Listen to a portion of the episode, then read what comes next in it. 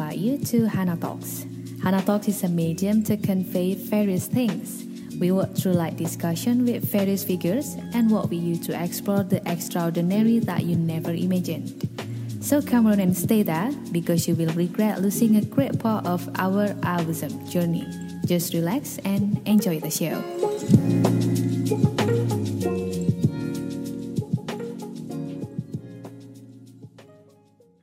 Halo semuanya, bertemu lagi dengan saya Dinar Hana di Hana Talks Dan kali ini Hana Talks sudah masuk ke pot keempat Dan ada yang spesial kali ini Hana Talks ditemani oleh cewek yang cantik banget Idola banyak sekali cewek-cewek di luar sana Kenapa jadi idola? Kita akan dengerin semua ceritanya hari ini dan selamat datang buat Sheryl Pratiska. Halo Sheryl, apa kabar? Halo, baik banget kabarnya. Alhamdulillah. Sehat ya? Sehat alhamdulillah. Oke. Sheryl, gimana nih perasaannya? Ngobrol-ngobrol tapi nggak ketemu orangnya? ini sebenarnya ini pengalaman pertama banget bikin podcast sebelumnya belum pernah. Oke, berarti ini baru pertama kali ini menang dong ini Hana Talks ya. Pertama kali yeah, undang yeah, Sheryl. Yeah. Aduh, terima yeah. kasih banyak waktunya loh ya. Pak aku yakin pasti repot ya, sibuk banget tapi udah nyiapin waktunya buat kita. Oke, Sheryl cerita-cerita dong. Gimana nih perjalanannya? Oh, sebelumnya Sheryl Ta ini uh -huh. yang paling uh, uh, keren ya beritanya adalah menjadi Miss Cosmopolitan World 2017 bener ya? Iya, benar-benar betul sekali. Dan Cheryl ini berasal dari kota Malang. Nah, perjalanannya sampai bisa jadi Miss Cosmopolitan World atau bahkan setelah itu ada prestasi apa lagi cerita-cerita sedikit dong Cheryl.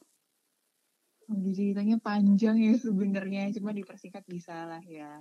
Boleh, boleh. Ini sebenarnya dulu, ini sebenarnya dulu nggak pernah kepikiran ikut pageant sih sebelumnya, karena uh, dulu pertama kali banget belum langsung terjun ke dunia mis-misan atau putri-putrian dulu masih uh, memulai awal-awal perjalanan di dunia pageant itu waktu ikut duta wisata di Kota Malang, hmm. Kakang Bayu, Kota Malang 2013.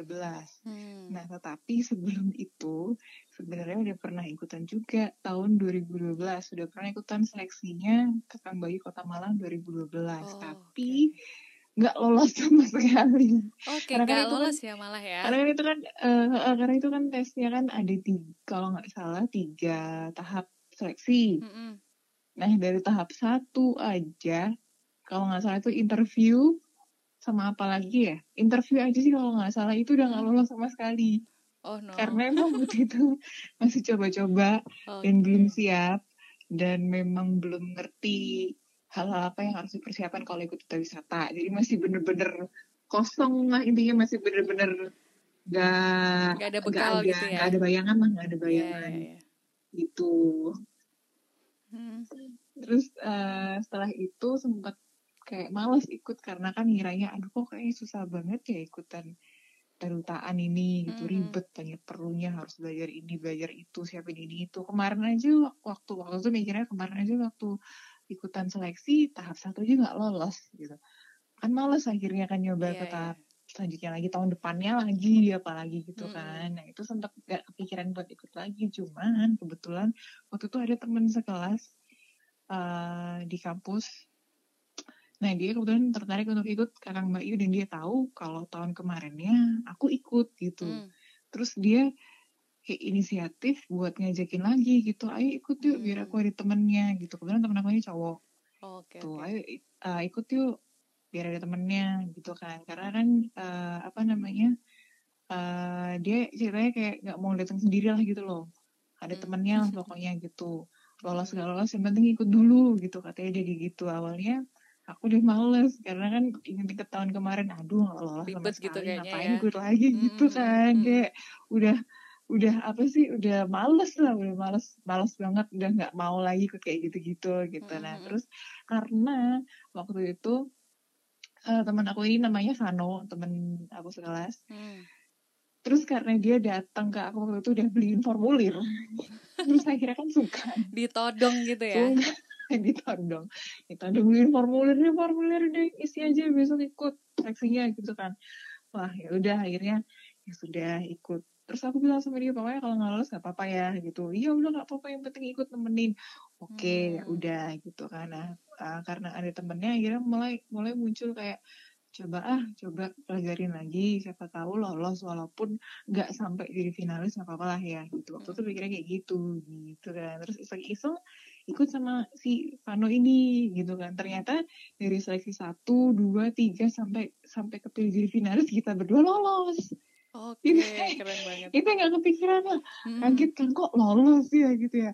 Ah ya udah rezeki gitu kan. Nah, dari situlah akhirnya mulai uh, niatnya mulai makin makin atau ya makin tinggi lagi hmm. gitu loh karena udah lolos kan uh, pikirnya ah, ini sekali seumur hidup kali ya jadi harus niatin akhirnya niat lah mulai dari situ okay. belajar apa segala macam menyiapkan hal, -hal untuk karantina dan segala hmm. macam semua disiapin berdua waktu itu hmm. sama teman aku namanya Vano ini nah setelah karantina bla bla bla grand final dan kok alhamdulillah ternyata kita berdua menang Oke, okay, dua-duanya jadi juaranya ya? Gitu, jadi jadi ah, jadi pemenangnya Kakang Bali 2013. Itu aja juga kaget gitu, kok bisa ya berangkat berdua, terus lolosnya barengan, Bareng. terus menangnya juga barengan. Dua-duanya jadi pemenang, keren-keren. Uh, uh, iya, iya, akhirnya ya seneng lah gitu. Aduh ternyata menyenangkan ya. Nah dari situlah berpikir kayaknya ini menyenangkan banget, apalagi kan nggak uh, semua orang bisa dapat kesempatan ini gitu. Mm -hmm. Kalau kita udah di sini berarti kita hebat gitu. Kita bisa berkembang gitu. Paling nggak mm -hmm. kita punya prestasi yang bisa dibanggakan nggak hanya untuk diri sendiri, tapi juga untuk kampus, untuk keluarga, mm -hmm. dan untuk orang-orang lain yang bangga sama kita gitu. Nah akhirnya dari situ lanjutlah karena menang di Kakang Bayu Kota Malang lanjut ke Raki Jawa Timur 2014. Hmm. Terus kemudian setelah itu uh, karena karena aku mulai tertarik di dunia putri-putrian akhirnya hmm. 2014 ke 2015 itu ada seleksi putri Indonesia Jawa Timur. Oh, Oke, okay. seru nih. Itu. Gimana gimana? ya, jadi sempat sempat sempat sempat ragu juga karena mikirnya kan belum pernah. Mm-hmm. Masa tiba-tiba langsung terjun ke putri-putrian gitu loh. Karena kan uh, putri sama duta itu berbeda gitu loh. Okay. Kalau duta wisata kan hanya soal uh, wisata aja. Kalau putri hmm. kan lebih umum, lebih lebih banyak isunya yang harus dipelajari gitu kan. Hmm. Nah, cuman karena ada dukungan dari banyak orang untuk coba, ya udah kenapa enggak dicoba gitu kan. Terus hmm. waktu itu juga uh, apa namanya? Uh, ada pikiran juga kalau nggak menang nggak apa-apa karena tahun depannya lagi masih bisa coba coba lagi ya gitu okay, coba okay. lagi gitu nah cuman ternyata waktu terjun habis audisi apa segala macam terus masuk nih jadi finalis nah mulailah hmm. ngerasain excitementnya lagi tuh di situ gitu kayaknya ini sesuatu yang berbeda gitu loh kayak menarik uh, bisa masuk di keluarga putri Indonesia gitu kan hmm. siapa sih yang nggak pengen jadi putri Indonesia gitu kan kayak mimpi semua hmm. hampir semua, semua wanita, wanita lah ya iya, pengen iya. gitu kan nah terus itu juga nggak terduga tiba-tiba menang tahun 2015 itu kayak eh, menang lagi gitu kan wow, alhamdulillah keren, keren. akhirnya bisa bawa nama Jawa Timur ke ajang putri Indonesia yang gitu ya? nasionalnya mm -mm. nah itulah dari situ akhirnya seneng apa yang merasa ada kecintaan tersendiri di dunia pageant sampai sekarang pun begitu gitu hmm. terus um, akhirnya senengnya dari dari dari aktif di dunia pageant itu selain bisa punya prestasi tapi juga bisa kenal banyak orang-orang penting karena kan setiap tugas uh, setiap tugas setiap ada acara biasanya itu berhubungan dengan orang-orang kepemerintahan biasanya mm -hmm. atau berhubungan dengan orang-orang kementerian yang memang uh, apa ya penting di bidangnya mm-hmm. gitu gitu jadi menurut aku tuh bisa nambahin channel juga selain itu wawasan kita kan juga akhirnya lebih diasah karena sering ketemu orang yang penting ketemu orang pintar mm. ketemu orang-orang yang punya pengaruh besar mm-hmm. kayak gitu nah setelah itu uh, setelah beberapa bulan kepilih sebagai putri Jawa Timur 2015 langsung lah maju ke nasional okay. jadi ketemu ketemu 34 kalau nggak salah 34 finalis perwakilan dari masing-masing dari seluruh Indonesia, Indonesia ya wow keren, kayak gitu yang pertama kali pertama hmm. kali ngerasain karantina nasional mewakili hmm. provinsi hmm. Betul. Jadi mulai tegangnya, mulai dari hal-hal menyenangkan sampai yang susah payahnya karantina itu udah bener-bener terasa di situ karena kan sangat berbeda dari duta wisata. Kalau duta wisata kan masih ada pasangannya nih. Kalau putri-putri udah bener-bener solo sendiri, nggak ada yang bantuin. Jadi ya survive sendiri, harus stabil sendiri, harus jaga performa sendiri gitu kan. Nah, setelah dari Putri Indonesia 2015 ini, kebetulan waktu itu belum belum dapat ini nih, belum dapat placement. Jadi masih hanya membawa nama Jawa Timur aja. Oke. Okay. Gitu. Setelah itu sempat off dulu sekitar dua tahun setelah itu. Sempat off dulu mm -hmm. karena ngelanjutin kuliah lagi. Karena kan sebelumnya terlalu aktif di dunia pendidikan akhirnya kuliahnya agak-agak agak-agak ini agak keganggu uh, gitu agak ya. ketinggalan. Akhirnya hmm. udahlah dua tahun dulu ngelanjutin kuliah dulu. Lagi lagi kuliah terus kemudian tahun 2012 sempat dapat tawaran dari temen yang uh, sudah pernah ikut ajang di ajang internasional. Mm-hmm. yang namanya Miss Cosmopolitan World itu. Mm. awalnya aku aku nggak ngerti itu apa karena kan masih masih belum belum ini uh, ajangnya ajangnya masih baru terus belum banyak yang ngerti juga. Nah hmm. waktu itu aku sempat tanya ini gimana sistemnya? Uh, kalau misalkan mau ikut itu kan. Terus teman aku kebetulan yang memang teman baik juga gitu kan. Terus dia bilang ini kalau kamu mau kamu tinggal ikut seleksinya secara tertutup. Jadi uh, untuk menjadi wakil Indonesia waktu itu ada seleksi tertutupnya sama yang megang lisensinya Indonesia waktu itu national directornya namanya Mr. Alan Loy orang hmm. Malaysia tapi dia tinggal di Jakarta hmm. kerja di Indonesia dan dia megang lisensinya Miss Cosmopolitan World 2000 2016 2015 sampai 2018 kalau nggak salah. Oh, Oke. Okay. Ya jadi uh, dia nyeleksi gitu waktu itu. Nah, akhirnya aku diseleksi lah sama beberapa kandidat yang lain gitu kan. Cuman seleksinya tertutup nggak terbuka. Jadi wawancara tertutup aja terus uh, lolos atau enggaknya diumum, diumuminnya sama dia langsung gitu. Dan dan setelah seleksi apa apa segala macam terus ternyata lolos. Nah, habis lolos itu mikir gitu waduh gila ya kemarin aja waktu di nasional nggak dapet gitu kan masih belum dapat terus sekarang tiba-tiba harus mewakili Indonesia mm -hmm aja internasional. Kan mikirnya wah berat ini tiba-tiba bawa nama Indonesia. Kemarin aja bawa nama provinsi aja berat gitu kan. Tapi aku mikirnya ya udah nggak apa-apa ini tantangan. Pertama tantangan yang kedua ini rezeki.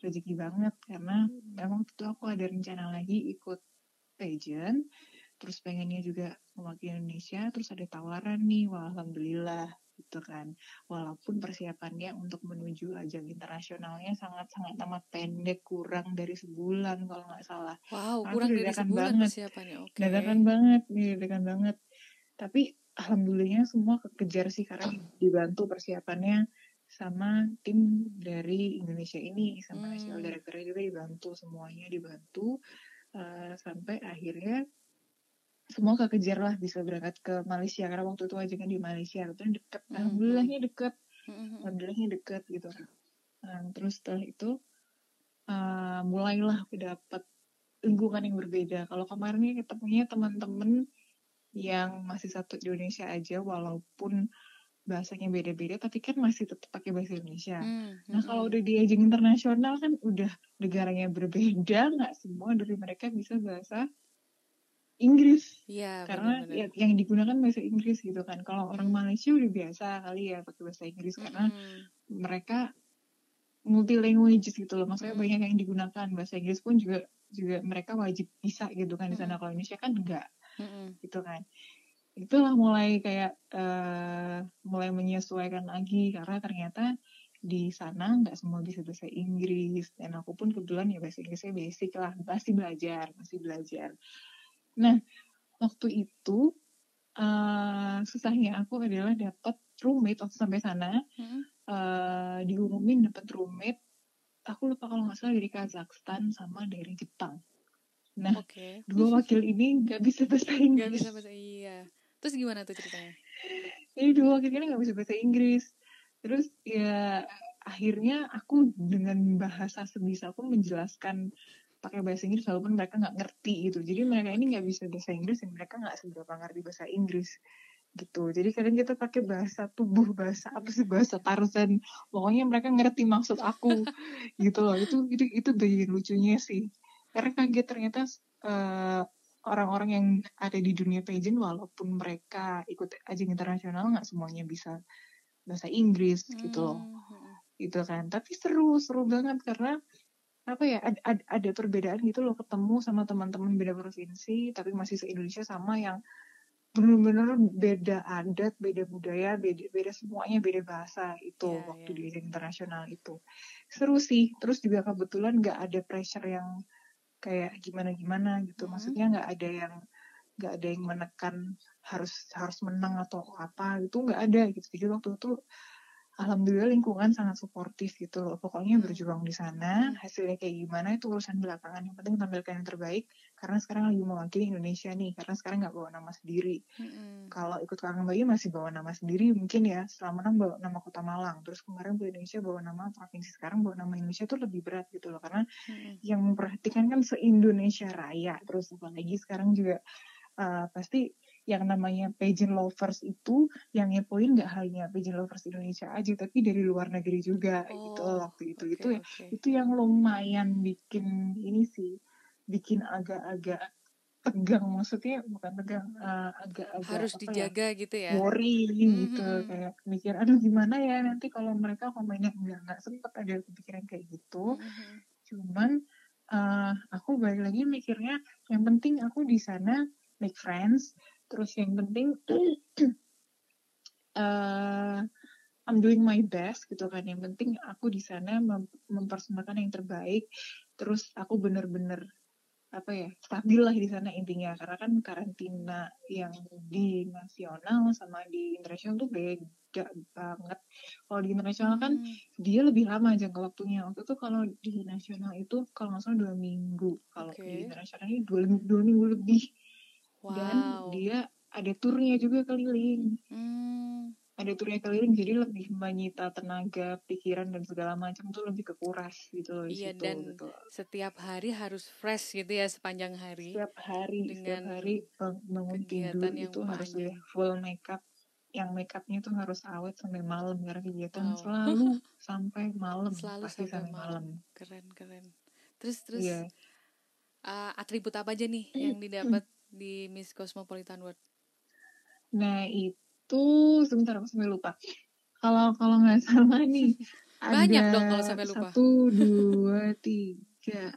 It, ini beberapa itu uh, dapat atributnya dari sponsor. Jadi ada beberapa sponsor yang hmm. ngasih challenge, ngasih challenge untuk mendapatkan gelar tersebut gitu. Terus kebetulan waktu hmm. itu aku dapat, aduh lupa deh yang aku inget tuh satu dapat atribut dari uh, sponsor perhiasan. Mm-hmm.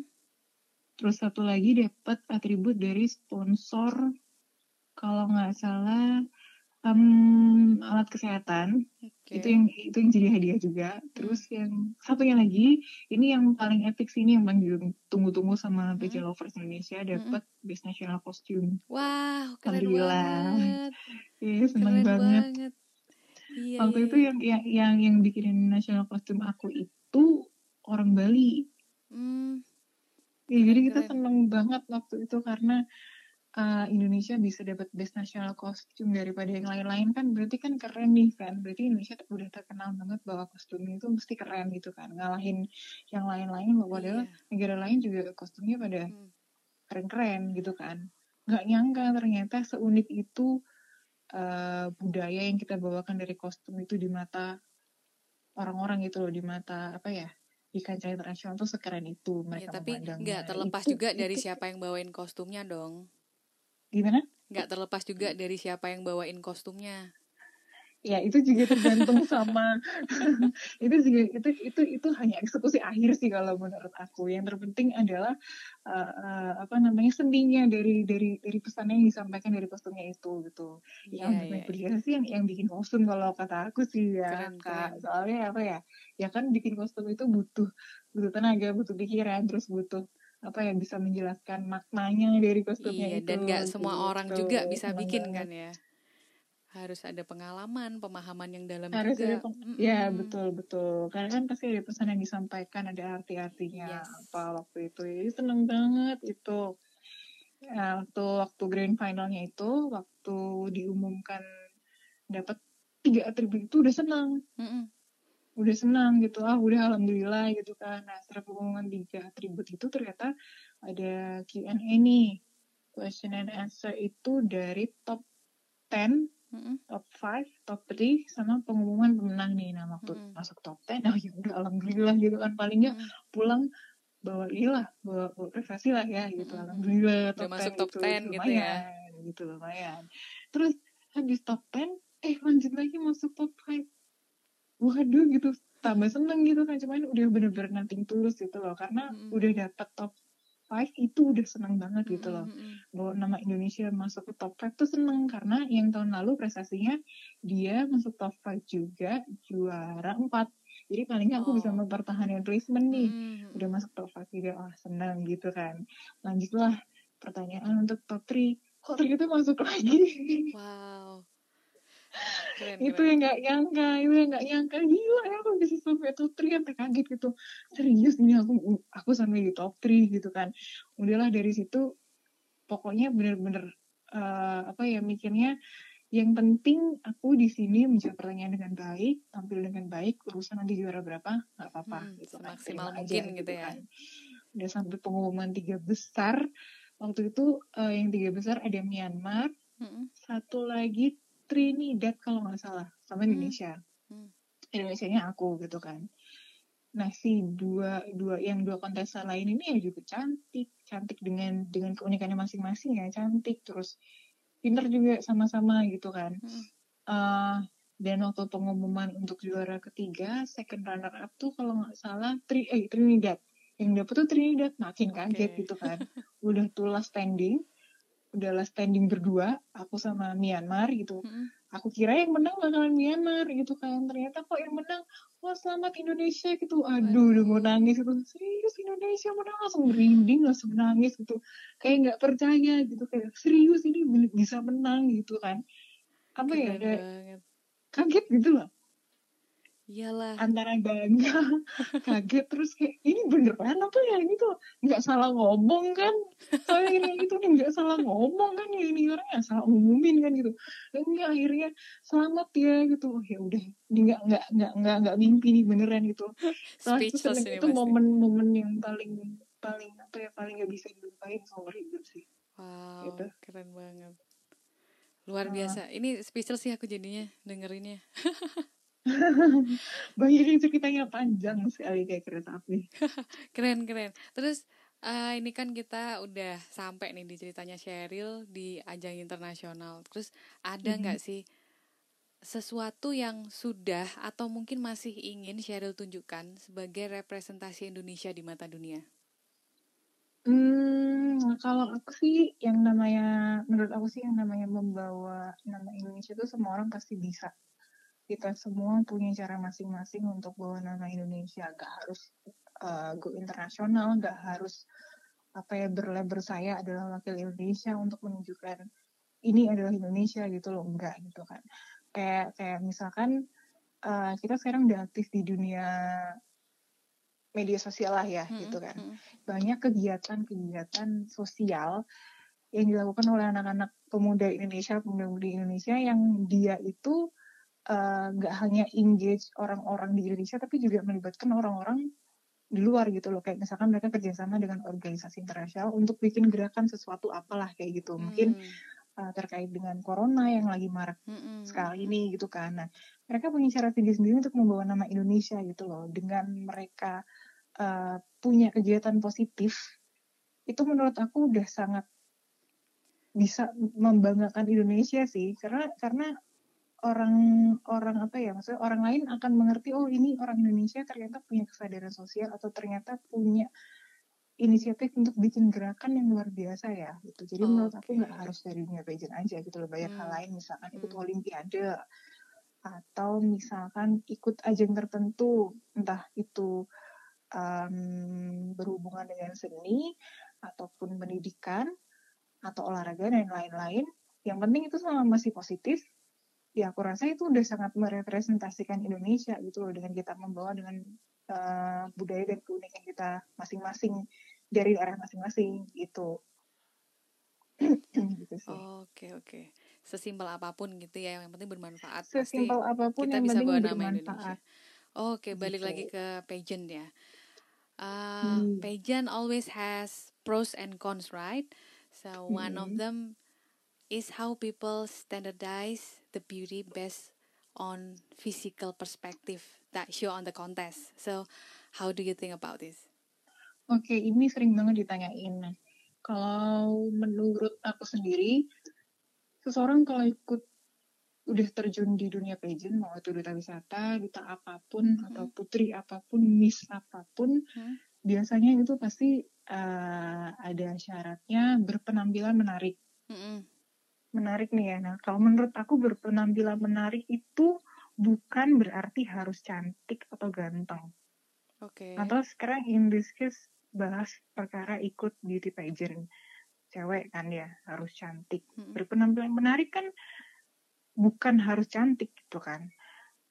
Okay. Kalau menurut aku tuh yang namanya penampilan menarik itu masih bisa di apa ya, masih bisa dibuat gitu, masih bisa kita lakukan dengan dengan makeup, dengan dandan dengan dress up yang bagus kayak gitu loh. Jadi nggak nggak ada perempuan yang jelek sih kalau menurut aku. Yang penting adalah dia percaya diri. Karena okay. karena cantiknya cewek cantiknya perempuan itu beda-beda gitu loh. Hmm, hmm, hmm. nggak bisa nggak bisa dibanding-bandingkan gitu loh semua yang semua yang berpartisipasi berpartisipasi di dunia pageant itu sudah pasti cantik tapi cantiknya kan berbeda-beda nih nggak melulu dinilai perkara fisiknya aja kalau masalah berat badan dan lain-lain memang itu uh, beberapa ajang kecantikan itu memang menerapkan standarisasi berat badan harus proporsional nah iya. proporsional iya. pun itu juga nggak harus kurus kering Hmm. Itu kalau menurut aku ya, karena pengalaman aku sendiri setelah aku terjun ke ajang nasional internasional, nggak semuanya kok yang memang harus kurus kering tinggi kayak Barbie kayak gitu enggak kok gitu loh karena mereka punya definisi okay. cantik sendiri sendiri gitu loh dan dan dan apa ya mereka tidak memaksakan diri mereka untuk menyamakan dengan standar yang orang-orang bikin yang cantik harus putih tinggi dan segala macam nggak seperti itu yeah, gitu yeah. loh justru itulah itulah misi yang kita bawa menunjukkan kepada orang-orang bahwa cantik itu unik gitu. Kita datang dari berbagai macam provinsi, datang dari berbagai, berbagai macam negara dengan dengan apa ya?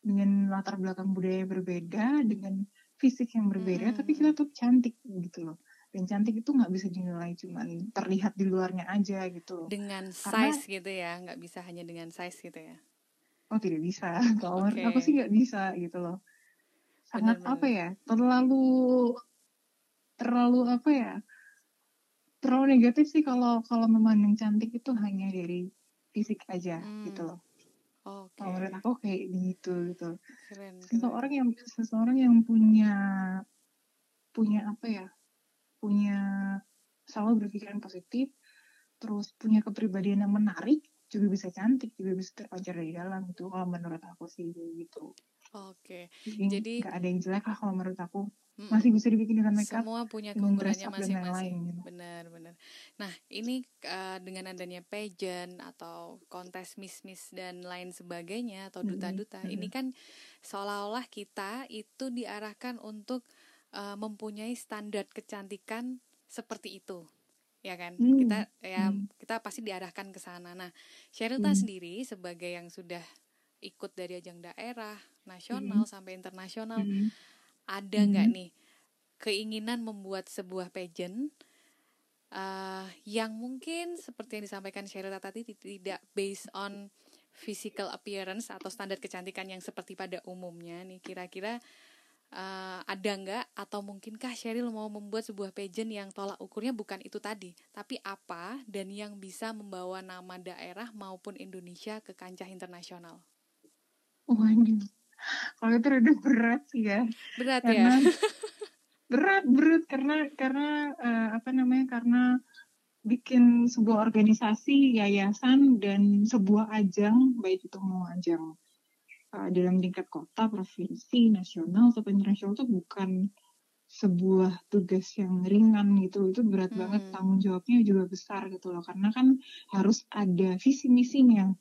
harus ada outcome-nya harus ada apa ya um, harus ada kerja nyatanya gitu loh dari situ hmm. itu itu menurut aku aku masih belum mampu gitu ilmu aku belum masih belum belum nyampe lah gitu. Belum ada ilmu sampai sebanyak itu. Aduh, mungkin seorang Cheryl bilang aku yang lain merasa sudah sudah sudah sudah punya capability untuk membuat aja ya mau ya alhamdulillah. Tapi kalau aku sendiri sih merasa kayaknya ilmu aku belum cukup gitu loh. Masih banyak yang harus aku pelajarin okay. gitu. Atau ya, mungkin ada masih bisa berbagi sama teman-teman misalkan ada yang ingin hmm. ikut ingin terjun ke beauty pageant atau yang lain-lain ya bisa-bisa aja boleh-boleh aja ya lebih ke supporting gitu ya. Cuman kalau untuk bikin sendiri itu aku rasa belum mampu ilmunya belum cukup lah. Masih harus belajar lagi gitu. Oke kita doain Cheryl bisa segera membuat pageantnya sendiri dengan karakteristik Amin. beauty yang Amin. sesuai dengan standarnya Cheryl ta uh, ini ada yang menarik sih tadi uh, disampaikan bahwa sekarang ini sosial media udah merupakan platform yang sangat mudah untuk hmm. show up gitu ya Indonesia di mata dunia.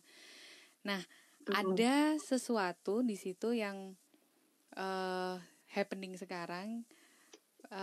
Orang-orang uh, ini mudah banget judgmental ke siapa pun yang dia idolakan atau yang dia tidak sukai di sosial media. Nah, especially when you become a public figure, right? So, okay. uh, because you are the role model for a lot of people how you think when they put you as a princess who cannot do anything false jadi princess Cheryl harus selalu benar hmm. nah ini gimana nih uh, hmm. yang biasanya Cheryl lakukan selama ini hmm. ini kalau menurut pengalaman aku sendiri sih ya memang ketika masih menjabat sebagai contohlah putri ataupun Miss Cosmopolitan atau Miss Grand Jawa Timur dan segala macam pasti akan ada tuntutan dari masyarakat untuk tampil sempurna. Sebenarnya bukan dari masyarakat aja tapi dari organisasi karena kan kita posisinya hmm. lagi mewakili lagi jadi sebagai representasinya uh, sebuah provinsi tertentu lah ya mm -mm, gitu kan. Kalau menurut aku biasanya sih um, tuntutan-tuntutan untuk selalu tampil sempurna itu pasti ada gitu ya. Cuman balik lagi, yang mereka tuntut itu seperti apa gitu loh. Misalkan harus selalu dandan ke mana-mana, mm-hmm. harus selalu dress up ke mana-mana, harus pakai heels ke mana-mana, atau nggak boleh begini, nggak boleh begitu di sosial media harus harus apa ya, harus santun, harus apa segala macam kalau memang mereka kritiknya positif hmm. dan bisa diambil untuk sebagai misalkan koreksi terhadap diri aku sendiri hmm. bukan sebagai bukan aku sih mengambilnya nggak nggak nggak mengambil itu sebagai aku sebagai bisanya tapi juga aku mikir lagi kalau misalkan mereka kritiknya positif untuk membangun diri aku sendiri hmm. untuk membangun karakter aku sendiri ya kenapa enggak didengarkan dan okay. ucapkan terima kasih gitu loh kecuali hmm. kritiknya mereka udah hal-hal yang negatif yang cenderung ke bullying. Oh, Oke, okay. pernah nggak sih Cheryl dapat kritikan yang... yang bullying gitu? Oh sering dulu sering. Oh really? Sering. karena karena yang namanya pigeon lovers Indonesia itu kan pasti mereka punya jagoan masing-masing nih. Oh ya yeah, benar. Nggak nggak apa ya nggak hanya nasional lah internasional juga gitu kan. Mereka punya jagoan masing-masing gitu. Terus apalagi kita juga nggak bisa kontrol pikiran dan jempolnya hmm. netizen untuk berkomentar gitu kan ya. Mereka pasti akan membela jagoannya masing-masing. Pasti ada yang membandingin oh enggak sih ini lebih cantik daripada itu. Oh enggak sih ini lebih tinggi daripada ini gitu kan ya. Kenapa harus didengerin tuh kalau aku sih? Kalau kalau kalau kalau yang lainnya nggak tahu ya. Kalau aku sendiri nanggepinnya ya udah biarin aja gitu. Nanti mereka akan capek-capek sendiri gitu loh. Karena kalau kita membiarkan energi negatif seperti untuk untuk kepikiran untuk masuk ke dalam kehidupan jadinya kan kita kita sendiri yang rugi gitu mm -mm. mereka yang nggak rugi kita yang rugi gitu loh mm -mm. pokoknya selama pesan yang disampaikan mereka kritiknya positif terima dan bilang terima kasih ucapkan terima kasih kalau buruk ya sudah nggak perlu di nggak perlu ditanggepin juga gitu loh aku sih lebih fokus pada apa yang bisa dikontrol karena okay. karena karena jempol netizen nggak bisa dikontrol ya untuk apa didengerin gitu untuk hmm. apa terlalu di ribet terlalu dipikirin. Bener, itu sih kalau aku. Keren keren. Gitu. Ya ternyata se perfect Cheryl juga ada yang ngebully ya itu emang dasar nggak perfect lah. Oke okay. um, tadi balik ke ngomongin soal beauty. Uh, mm-hmm. tadi Cheryl udah share beberapa cerita tentang beauty itu nggak harus seperti standar yang sudah ditunjukkan oleh kontes-kontes Nah, mm-hmm. standarnya kan berarti mm-hmm. berbeda untuk setiap orang. Kalau bagi Cheryl sendiri, how you define the real beauty?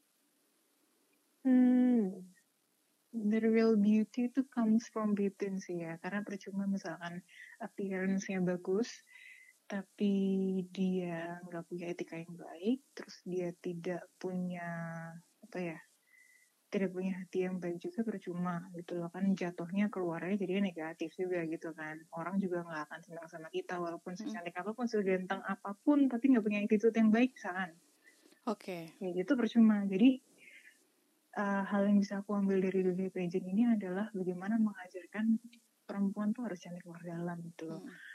Gak cuma hmm. cantik tapi juga harus berwawasan luas satu paket cantik gitu ya satu paket cantik kotaknya hmm. terus harus harus punya sikap yang baik, attitude yang baik, mm -hmm. terus punya pokoknya harus punya tujuan yang positif lah dalam hidup ini gitu. Jadi nggak ayam okay. kalau kecantikan yang nggak ada gunanya gitu. Semua orang bisa cantik dengan makeup, semua orang bisa cantik dengan perawatan, tapi mm -hmm. cantik yang dari dalam diri sendiri itu terkadang nggak semua orang punya Bener. gitu loh. Jadi dunia pageant ini mengajarkan aku untuk benar-benar cantiknya luar dalam gitu. Kalau cantik hmm. cantik biasanya kan semua orang bisa, semua orang di Instagram pakai filter cantik gitu kan. Yes.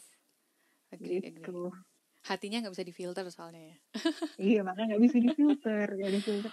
Oke, keren banget Cheryl. Ada pesan nggak sih buat teman-teman pendengar Hana Talks nih yang ingin mengaktualisasi diri mungkin atau ingin berprestasi, mungkin juga ingin menjadi representatif dari Indonesia bisa eh, hmm. baik melalui pageant maupun tidak ini ada nggak sih motivasi yang bisa disampaikan oleh Miss Cosmopolitan World 2017 kalau apa sih pesannya cuma buat teman-teman yang pengen pengen berprestasi nih nggak hanya di dunia pageant aja sih apa pun gitu. Yang penting itu adalah percaya dengan kemampuan diri sendiri dan selalu jadi pribadi yang positif. Karena kalau udah terjun ke dunia yang uh, berhubungan dengan kompetisi itu biasanya kan tekanan itu dari mana-mana.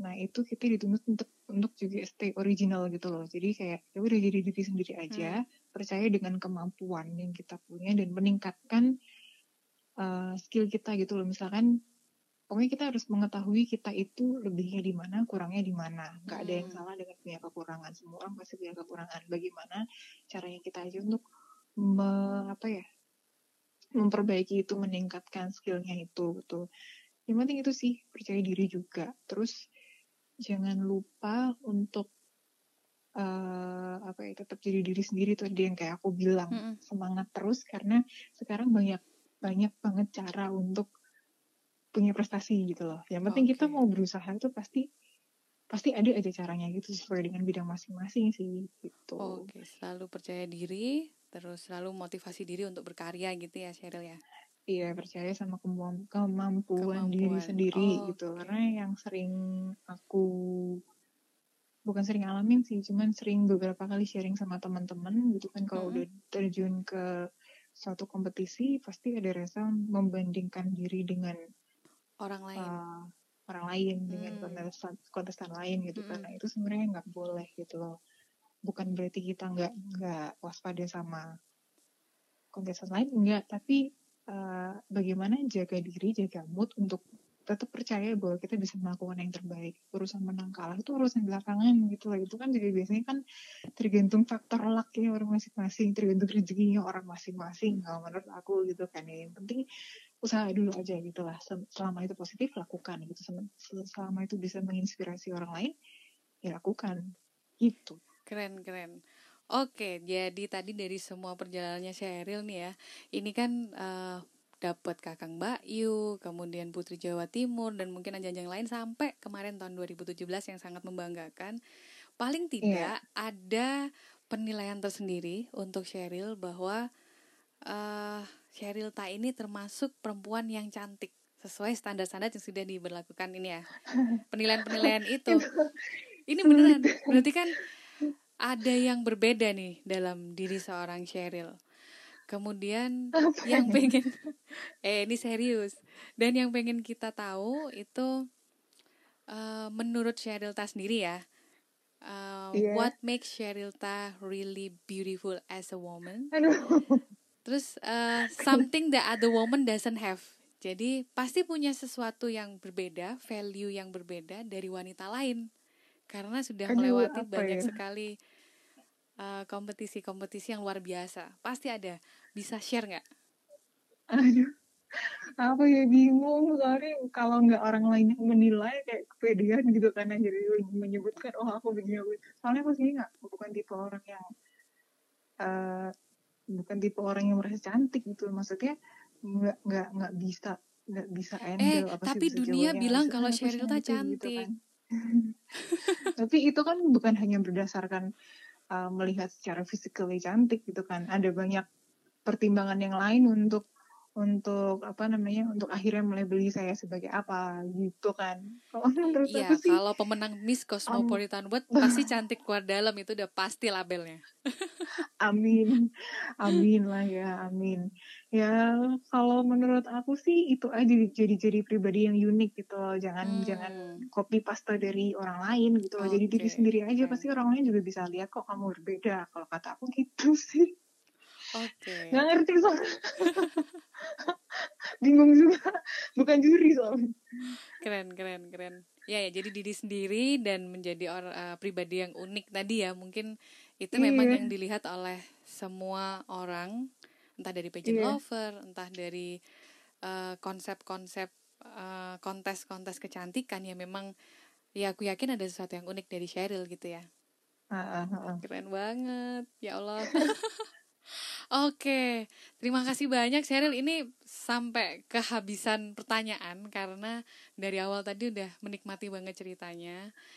Dan panjang ceritanya. No, ini keren banget. Ini aku yakin sangat menginspirasi teman-teman muda di sana. Amin. Dapat insight yang banyak perjuangannya seperti apa dari yang memulai untuk coba-coba akhirnya down ya akhirnya dicoba lagi dan jadi keterusan ini luar biasa keren iya. banget dan semoga Hana Talks dapat kesempatan lagi nanti buat ngobrol lebih panjang lebih intim gitu ya sama Cheryl di lain waktu. Oh boleh, boleh, boleh, boleh dengan Ditunggu prestasi-prestasinya yang luar biasa.